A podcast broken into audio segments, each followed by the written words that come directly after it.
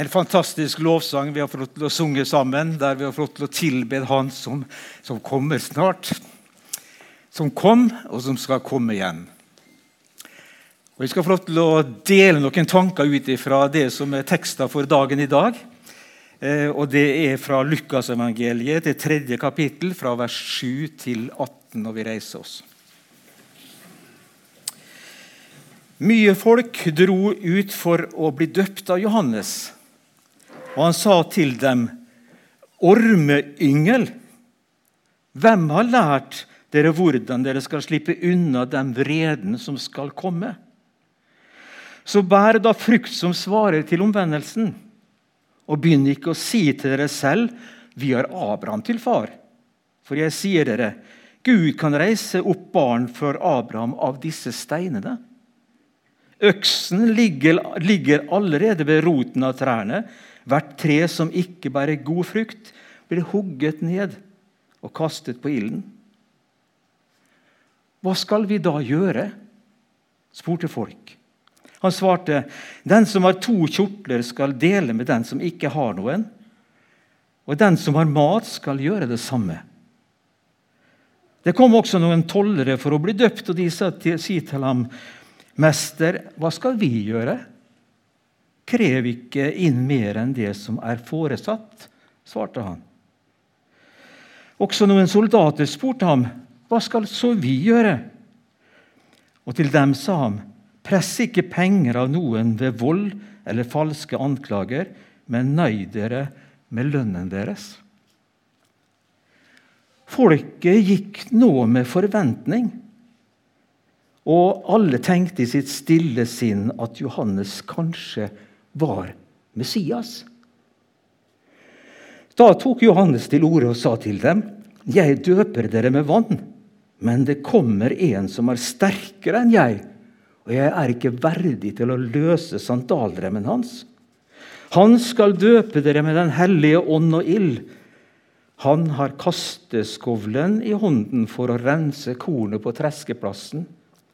Hveten skal han samle i låven sin, men agnene skal han brenne opp med en ild som aldri slukner. Dette og mye annet la han på folket, folket på sinne når han forkynte budskapet for dem. Hellige Far, ditt ord er sannhet. Hellig oss i din sannhet. Amen.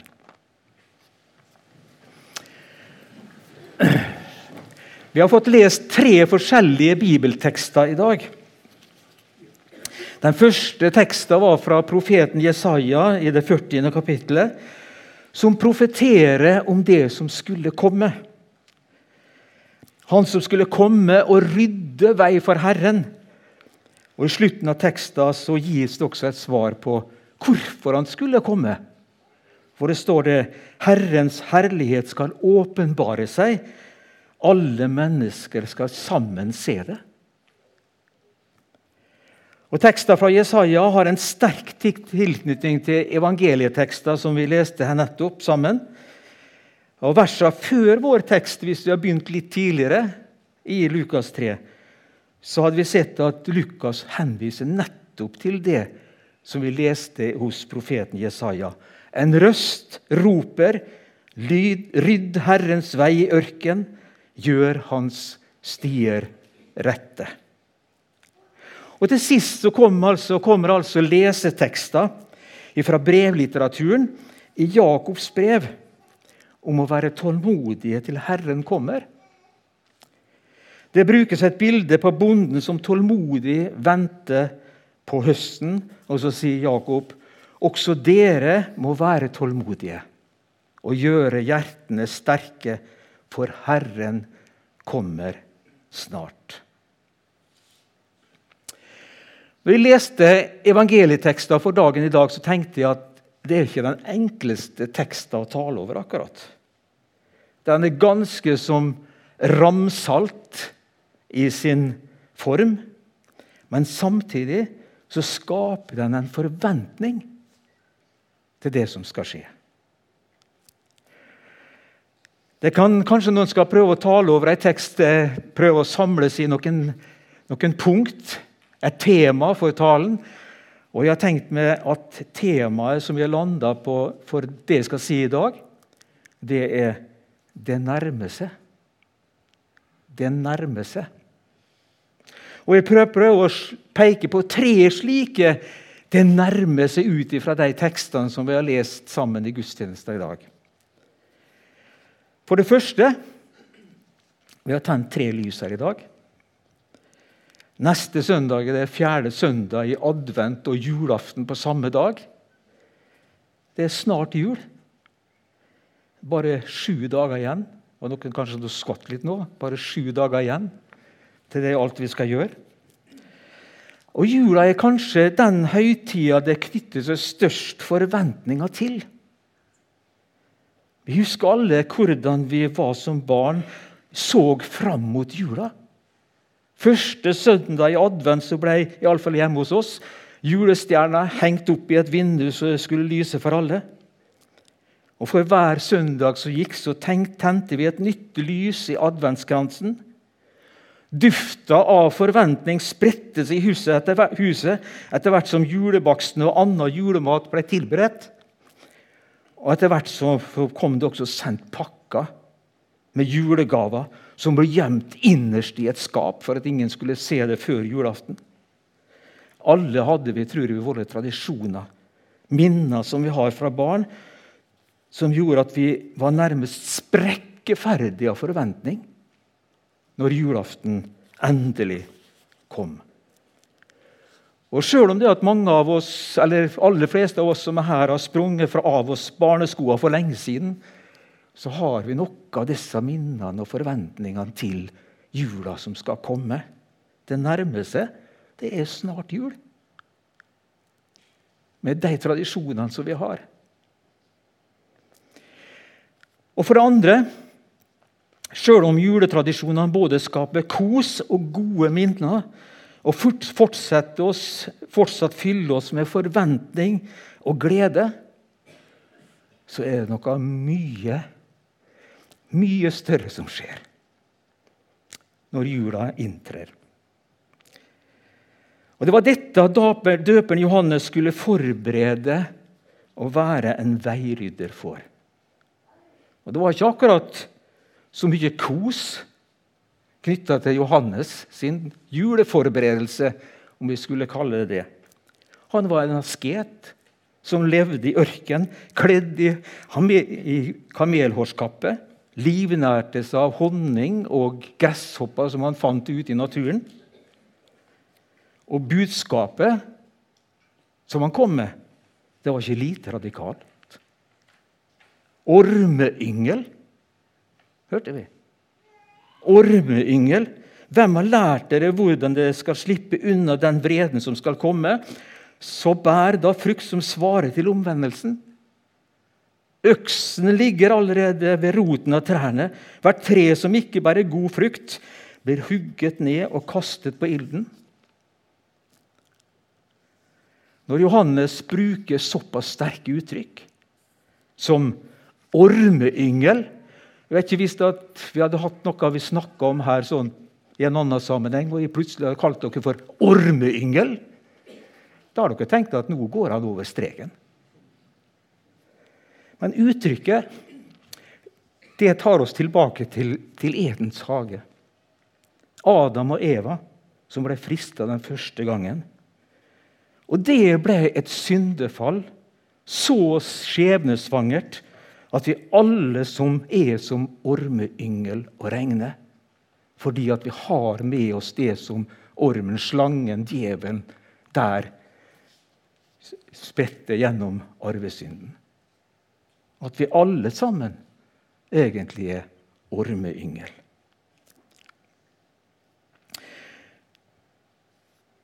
Og Derfor så kunne heller ikke jødene gjemme seg bak det som de prøvde å si. Ja, men vi er jo Abrahams barn. Det er ikke noe vei med oss. Vi er jo Abrahams barn, Guds utvalgte. Men de trengte også til omvendelse. Dåpen som Johannes døpte med, var en dåp til omvendelse. Et bilde på at de som lot seg døpe, ville omvende seg og følge Guds vei. I profeten om Johannes så heter det 'rydd vei i ørkenen'.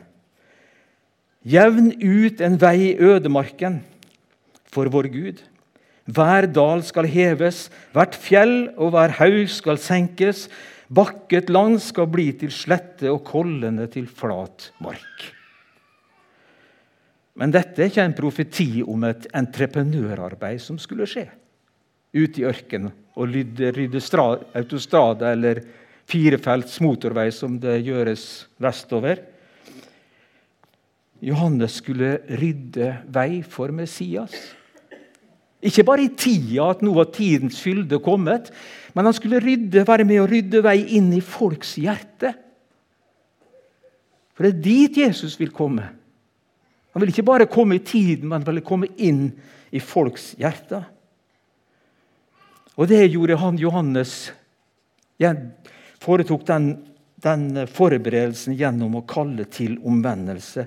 En omvendelse som førte til et nytt liv så bær da frukt som svarer til omvendelsen. Og når disse her folk som kom der og skulle døpe, spurte hva de skulle gjøre, så ser vi at svarene som de får, det er hvordan fruktene kunne manifestere seg, både generelt og i de enkelte menneskene sine yrker. Generelt så, generelt så, gjelder det at vi skal være med å dele ulike goder med andre som var dårligere stilt enn oss. Altså flytte fokuset fra oss sjøl til de andre. Det er en frukt av omvendelsen. At da blir vi ikke så lenge opptatt av oss sjøl, men da blir vi også om de andre. Hvordan har de det? Trenger de noe omsorg? Trenger de noe hjelp? Trenger de at de ser deg? Tollerne de skulle ikke ta noe mer enn det som var fastsatt. Altså den toll som det var bestemt at de skulle ta, skulle ikke putte noe i egen lomme. Soldatene skulle ikke utnytte sin stilling til, som soldater. Vi ser altså at det å bære frukt det gjelder både vårt generelle liv og det gjelder våre yrker. Hvordan utfører vi våre yrker som vi som kristne i dag. Og Johannes sin oppgave var å rydde vei for Herren inn til menneskets hjerter og slik forberede at Messias skulle komme. Og Noe av poenget med adventstida er jo nettopp det. Han vil rydde vei. Jesus ønsker å komme inn i våre hjerter. Ja, du har han der fra før. Men han blir fornye den den nærheten på en måte i ditt hjerte. Fellesskapet med Han, Han som skulle komme. Av tekster som vi har lest sammen, så ser vi det at Johannes gjennom sin gjerning så skapte han forventning. Messias-forventninger. Det står at folket gikk nå med forventning, og alle tenkte i sitt stille sinn at Johannes kanskje er han Messias? Er det Messias vi har nå har foran oss? Heldigvis var det ikke det. For Hvis det var bare Johannes som skulle være Messias, så var vi like fortapt alle sammen fortsatt. Men da var Johannes tydelig. Da sier han, da tok Johannes til orde og sa til dem.: Jeg døper dere med vann, men det kommer en som er sterkere enn jeg og jeg er ikke verdig til å løse sandalremmen hans engang. Han skal døpe dere med Den hellige ånd og ild. Det var noe helt annet som skulle komme. Johannes var bare en forløper til han som skulle komme. Noe mye, mye, mye større skulle skje. Det er Messias. Det er kongen den allmektige Gud. Det er Han sjøl som kommer oss til oss i jula. Gud sjøl stiger ned fra sin herlighet til vår vannmakt og fattigdom. Det er Gud som ved sin sønn så blir et sant og ekte menneske, og som går inn i vårt sted. Han gjør det for oss. Det må være den mest radikale og skjellsettende hendelsen som noen gang har skjedd, tenk, skjedd, tenker jeg. Det er det største som har skjedd i historien. At Jesus, Gud, Guds sønn, blei menneske.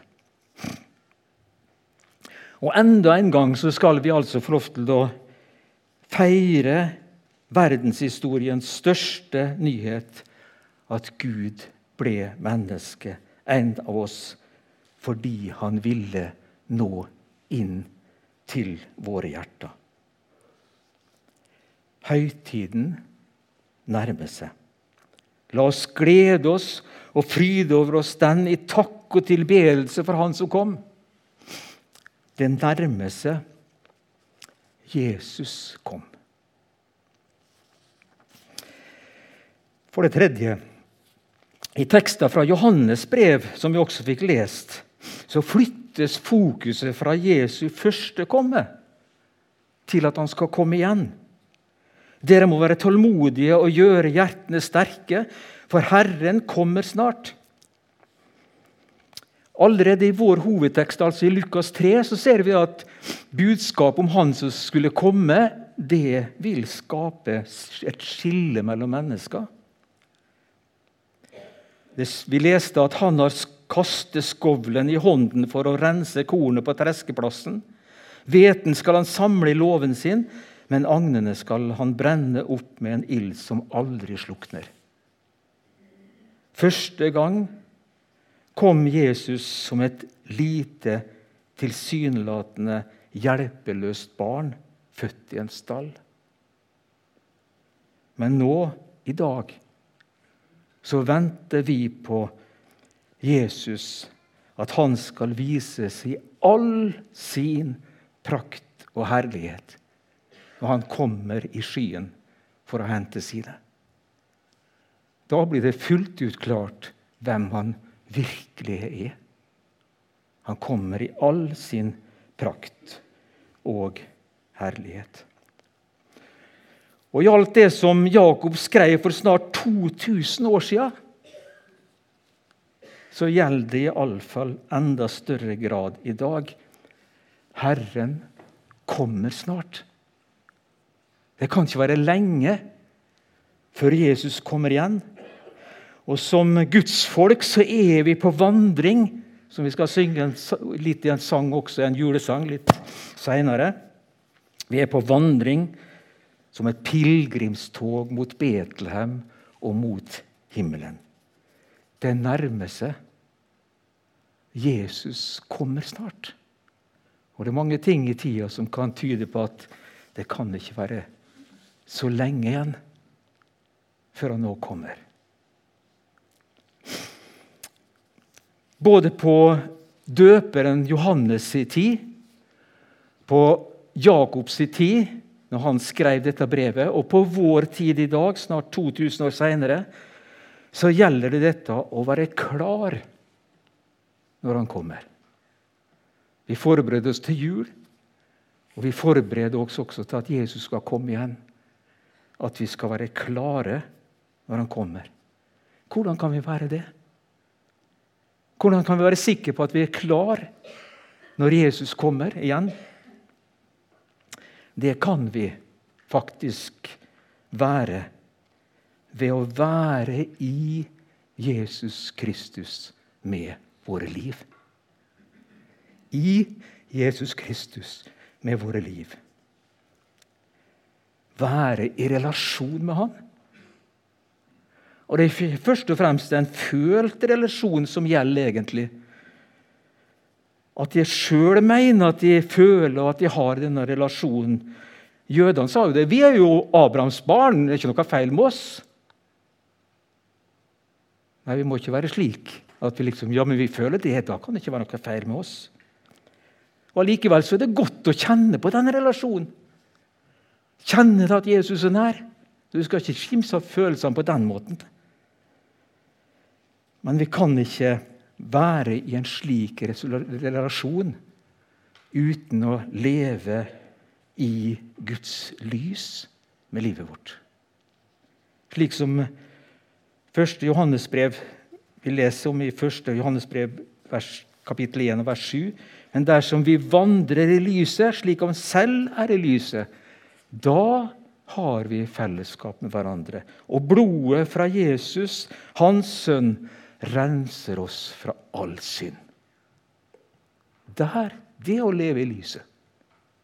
Leve i oppgjøret med Gud. Leve i syndstilgivelsens rike. Men i Guds lys så blir vi også avslørt. Når vi kommer Guds hellighet nær, så ser vi egentlig hvor skitne vi er. Hvordan det står til med oss. Og Vårt eneste håp er rett og slett å erkjenne vår utilstrekkelighet, våre nederlag og våre mangler, og gi Gud rett. Være i Guds lys. Når Guds lys virker slik i våre liv, så er det én ting som vi må passe oss for. Og det er å begynne å forsvare eller unnskylde handlinger eller holdninger som er i strid med Guds vilje, slik det er åpenbart i Guds ord. Fristeren, han kommer, som han kom til Adam og Eva i Edens hage. Har Gud virkelig sagt at dere ikke kan spise av alle trærne i hagen? Det var ikke det Gud hadde sagt, men han stilte spørsmålet på den måten for å avlede Adam og Eva. Det var ett tre Gud hadde sagt de ikke skulle spise av. Resten kunne de spise av. Og så ble de frista til å spise av det treet de ikke skulle spise av. Har Gud virkelig sagt? Og dette, at, uh, dette er noe som skjer også i vår tid. Et eksempel som er aktuelt for tida, er den endringa som skjer for i synet på ekteskapet. Ved å sette Bibelens generelle ord om Guds kjærlighet til mennesker opp mot Bibelens ord om ekteskapet, og så settes noe ut av at det ikke betyr noe, så velsigner i dag kirka Signe i dag kirkas samliv som er i strid med Guds vilje, i stedet for at det skulle føre til et oppgjør. Men dette skjer ikke bare i det store spørsmål. Dette kan skje også i, i våre, e, vår alles liv. At vi alle står i fare for å falle for den samme fristelsen. At vi forsøker å forsvare handlinger, holdninger som vi sjøl har, i våre liv, som er i strid med Guds ord. Men Johannes han sier det som vi siterte fra 1. Johannes brev, sier at vi ikke har synd da bedrar vi oss selv, og sannheten er ikke i oss. Men dersom vi bekjenner våre synder, er Han trofast og rettferdig, så Han tilgir oss syndene og renser oss fra all urett. Og Verset før så leser vi at dersom vi vandrer i lyset slik Han selv er i lyset, da har vi fellesskap med hverandre. Og blodet fra Jesus, Hans sønn, renser oss for all synd. Det her vi må få lov til å leve. Da er vi forberedt. Det er her i Guds lys. Det er her han tilgir oss for Jesus skyld alt av og aleine av Guds nåde. Det er her i Guds lys at nåden gjelder. Det er her vi kan bli rensa i Jesu blod, i Guds lys. Og det er her vi kan vokse i nåde og kjennskapet til Jesus, og slik være klare til Jesus når han kommer. Slik apostelen Peter sier det, det aller siste verset av det, han, det apostelen Peter skriver i sine brev. Der skriver han slik.: Nå vet dere dette på forhånd, mine kjære. Vær derfor på vakt så dere ikke lar dere rive med og blir ført vill av mennesker uten holdepunkt og mister fotfestet. Dere skal vokse i nåden og i kjennskapet til vår Herre og Frelser Jesus Kristus. Ham være ære nå og til evighetens dag. Jeg tror det er slik for oss alle som har levd ei stund i fellesskapet med Jesus, at nåden blir bare mer og mer viktig for oss. Vi blir mer og mer avhengig av Guds nåde. Og til slutt så kanskje det står bare igjen nåden i Kristus Jesus alene. Kan vi få lov til å sette vår lit til. Og at vi får erfare det etter hvert som vi lever livet. Og Derfor så vil jeg til slutt dele en tekst med dere som forsøker å gi uttrykk for noe av dette hvor omfattende Guds nåde er. Din nåde varer evig. Der vil jeg alltid bo. Der finner jeg min hvile, rettferdighet og ro. Når livet går imot meg, den er mitt tilfluktssted. For alltid vil den vare. Den gir meg grunn til fred. Selv om jeg skulle falle når uvær står imot, da tar du selv imot meg og gir meg kraft og mot. Din nåde er for livet, i godvær som i storm. Du vil meg aldri svikte. Det er den sikre norm. Om tvilen skulle komme og jeg deg ikke ser, så går du ikke fra meg, men ser meg der jeg er. Da kan jeg i din nåde få hvile likevel. Da åpner mine øyne, så jeg deg Jesus ser. Om mørket vil meg true, så angsten fyller meg.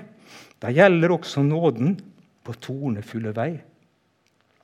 Om alt er mørkt og dunkelt, du ser meg der jeg er. Din nåde gjelder fortsatt, om byrden den er svær. Så kan jeg være sikker, din nåde den står fast. På korsets tre du sonte den straff jeg skulle hatt. Du ga ditt liv for alle, og alle må få se at du vil gi oss nåde og møte oss med fred.